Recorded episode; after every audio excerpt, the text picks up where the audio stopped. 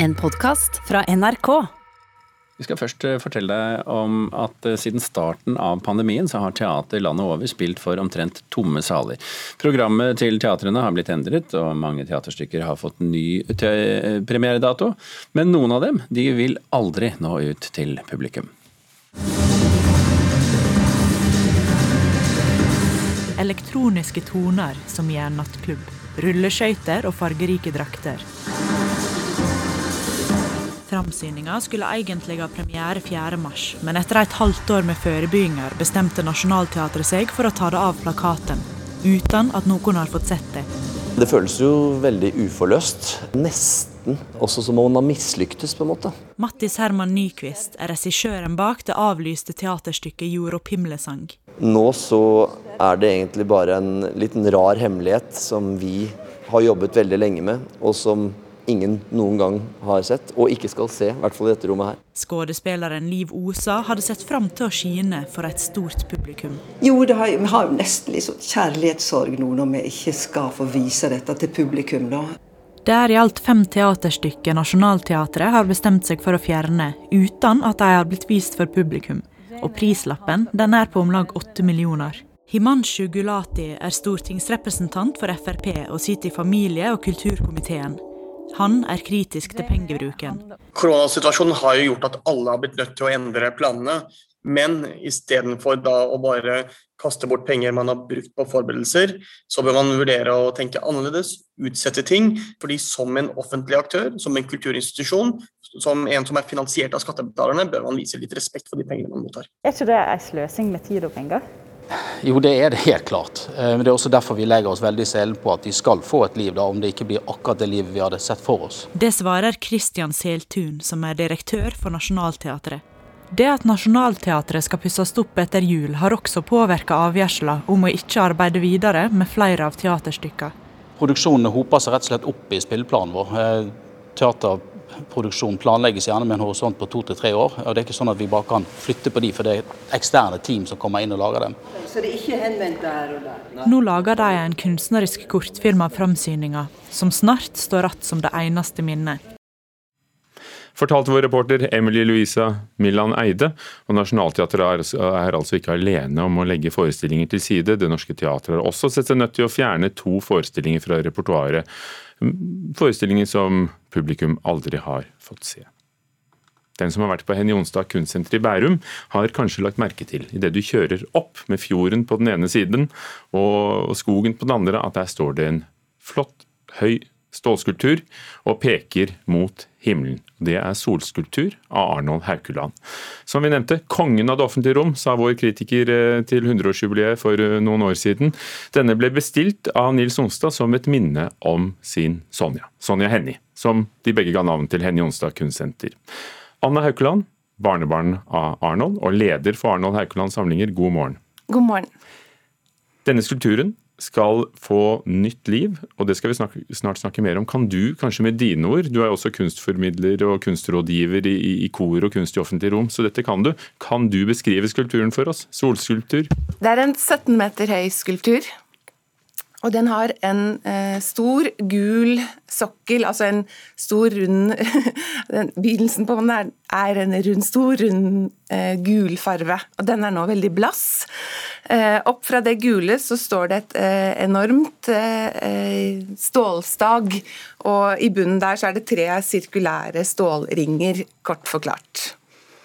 Og hva var historien? Hva var det som fikk eh, Henny Jonstad til å be Arnold Haukeland om å lage dette? Ja, vet du, Jeg skal si kort om den historien. Fordi eh, Nils Onstad kjøpte eh, skulpturen etter å ha sett den for første gang i Arnold Haukeland sitt atelier. Han jobbet da frem mot en utstilling på Kunstnernes hus. Og Første gang Onstad så modellen, så eh, ønsket han å forære den til sin kone. Dette var i eh, våren 1969. Senere samme år, oktober 1969, så døde Sonja Hennie. Eh, Og da besluttet Nils Onstad at skulpturen skulle reises i hennes minne. Og eh, det ble opp til Haukeland å bestemme dimensjonene av denne. Så eh, på nøyaktig årsdagen for Sonja Hennies død, 12.10.1970, så eh, ble skulpturen overrukket Henny Onsdag kunstsenter. Da var det først en seremoni med urnenedsettelse, på et gravsted på Høvikodden, og deretter ble skulpturen avduket. Den gang så roterte denne 17 meter høye skulpturen.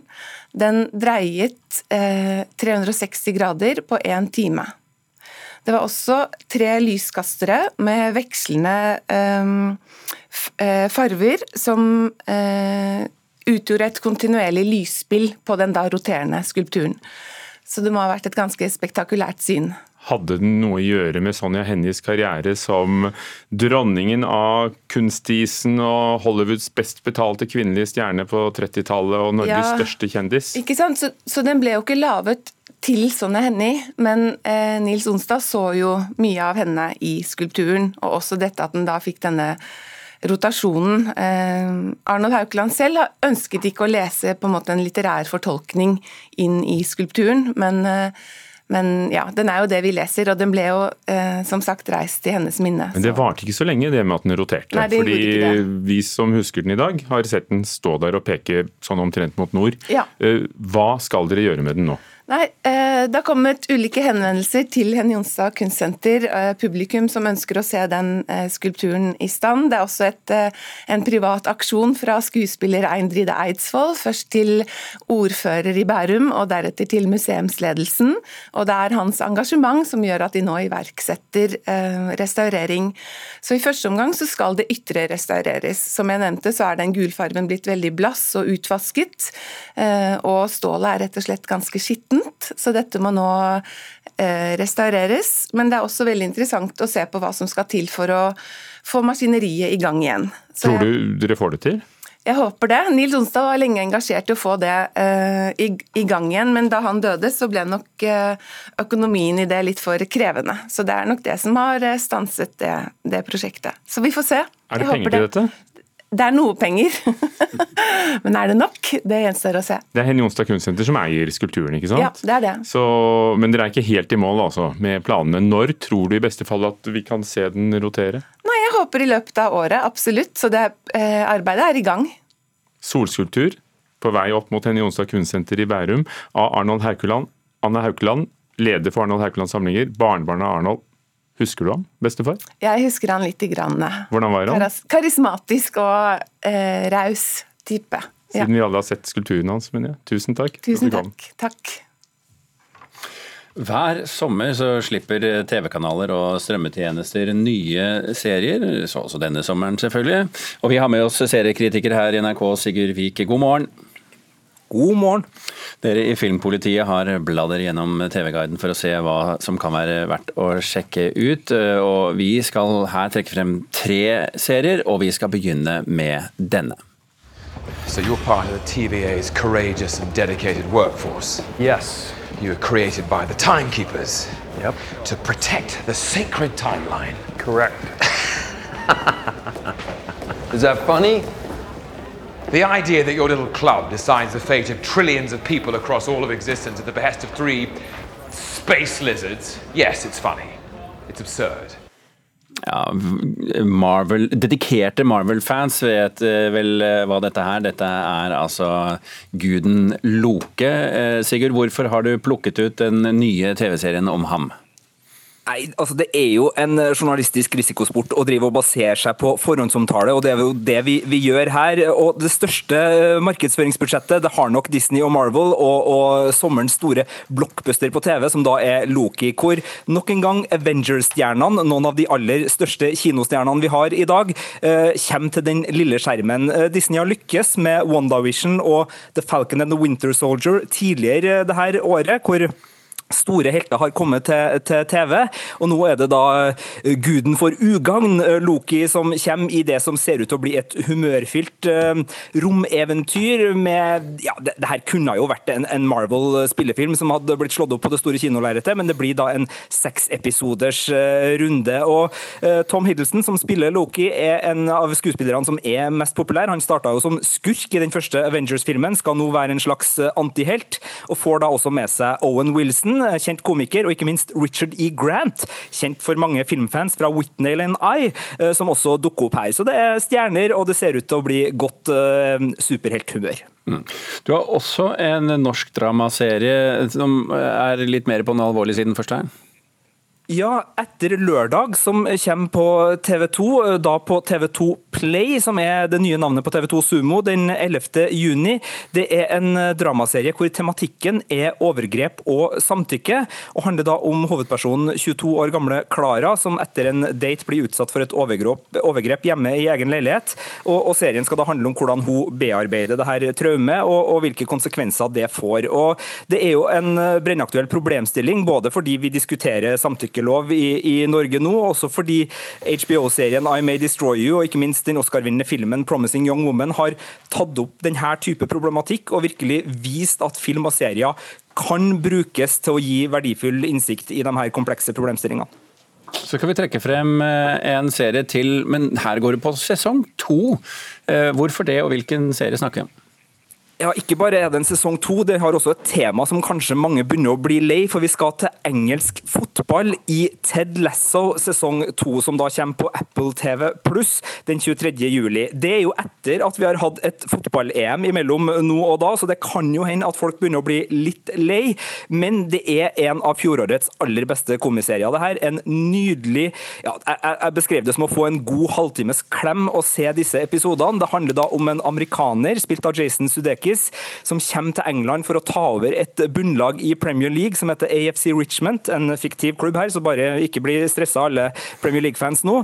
Eh, og Det er en sånn serie hvor puben alltid er åpen, den corny amerikanske snillheten er en herlig påminner om at kynismen kan ta seg en bolle, og det er så mye deilig britisk humør og tekoppvittigheter at det er en fryd for dem som liker den slags. Ja, og Ted Lasso han er jo ikke bare en, en fotballtrener, han er jo en trener for amerikansk amerikansk fotball, så det er jo konflikter der også, tenker jeg. Kulturforskjeller utgjør ofte god komikk, også i Ted Lasso. Mm. Du, eh, Sigurd, du legger ut, eh, eller Filmpolitiet legger ut en nettsak med hele ti serier. Er den lagt ut nå, eller kommer den i løpet av dagen? Det er bare å gå på nrk.no, så ligger saken ute med ti eh, forhåpentligvis anbefalinger for sommeren. Men som sagt, forhåndsomtale, skumle greier. Vi rakk tre av dem. Sigurd Vik, takk for at du tok sjansen. Vi har um, ganske mange steinkirker fra middelalderen i Norge. 159 av dem som trenger vedlikehold. Alle sammen, ifølge den reportasjen vi nå skal høre. Og Nå er det et pilotprosjekt på gang på Moster, eh, Bømlo i Sunnhordland. Eh, der skal de bruke både en 3D-skanner og en georadar for å få greie på hvordan det står til. Nå setter jeg på skanneren. For hvert eneste punkt den laserstrålen går ut, så gir han meg en distanse. Høgteknologi møter nasjonal kulturskatt. Midt i Moster gamle kirke på Bømlo står en 3D-skanner. Den vesle hvite steinkirka fra 1100-tallet skal kartlegges ned til millimeteren. Målet med dette prosjektet er at vi skal samle inn all informasjon vi klarer å finne om denne bygningen. Det sier arkitekt Bjørg Agasøster ved NIKU, Norsk institutt for kulturminneforsking. Hun er med i arbeidet med å lage en omfattende database og en 3D-modell av kirka, som i dag er eid av Fortidsminneforeninga. Hvis du skal vite hvordan en bygning beveger seg, og hvis du skal vite hvordan en bygning faktisk er bygd opp, så må du jo måle den opp. Det finnes 159 steinkirker fra middelalderen i Norge. Behovet for vedlikehold er stort, og i fjor vedtok Stortinget at alle kirkene skal være satt i stand innen 2030. Pilotprosjektet på Bømlo har derfor fått støtte fra flere hold. Jo mer du kan om bygningen før du begynner, jo bedre blir resultatet. Og Det er jo da man eh, ofte ser at hvis en rehabilitering har gått galt, så er det jo da at du bommer litt. Så vi håper jo veldig at eh, all den informasjonen vi kan samle, skal gjøre at man unngår å bomme neste gang. Men her, vet du Ja, prøv å åpne. En går flere hundre år tilbake i tid når en kommer inn i gamlekirka på Moster. Nina Meldal Olsen er daglig leder i Moster amfi- og kirkehistoriske senter. Dette er da inngangskånerommet. Før i tida, når du som kvinne hadde født, så måtte du vente enten seks eller åtte uker før du kunne bli kirkeganger igjen og gå i kirka. Og første besøk i kirka da, da måtte du sette deg inn her for å bli rensa. Så seks uker måtte du vente hvis du fikk en gutt, og så må du vente åtte uker hvis du fikk ei jente. I 2024 skal det være stort riksjubileum her. Da er det 1000 år siden Olav den hellige innførte kristenretten på Moster. Kort fortalt starten på rettsstaten og demokratiet Norge. Målet er at kirka skal rehabiliteres innen dess. Veldig veldig spent på vegne av eh, både Fortidsminneforeningen og eh, kirka eh, i forhold til om en først og fremst hva tilstanden kirka er i. Men òg eh, veldig spent for oss som formidler historien, om det er om det er noe mer som gjemmer seg, eller om det er om en finner ut av, eh, av Får nye opplysninger om kirka. Mitt engasjement for denne kirka starta da jeg var liten. Bjørg Agasøster Iniku bor og jobber til vanlig i Oslo, men er oppvoksen på Bømlo. Helt siden hun var lita har hun vært fascinert over kirka på Moster. Nå håper hun 3D-skanninga kan gjøre det mulig å fenge enda flere. I eh, min drømmeverden så skal eh, fjerde klasse på Moster skole komme inn her, og så skal de lære om hvordan det var å være på gudstjeneste på 1200-tallet, ta på seg noen VR-briller og kunne oppleve kirka og hvordan det har vært da. Det er ja, min, eh, min bømla drøm. Og Resultatet fra denne 3D-skanningen av Moster gamle kirke får vi i september. Reporter Eli Bjelland kommer sikkert til å fortelle om det da.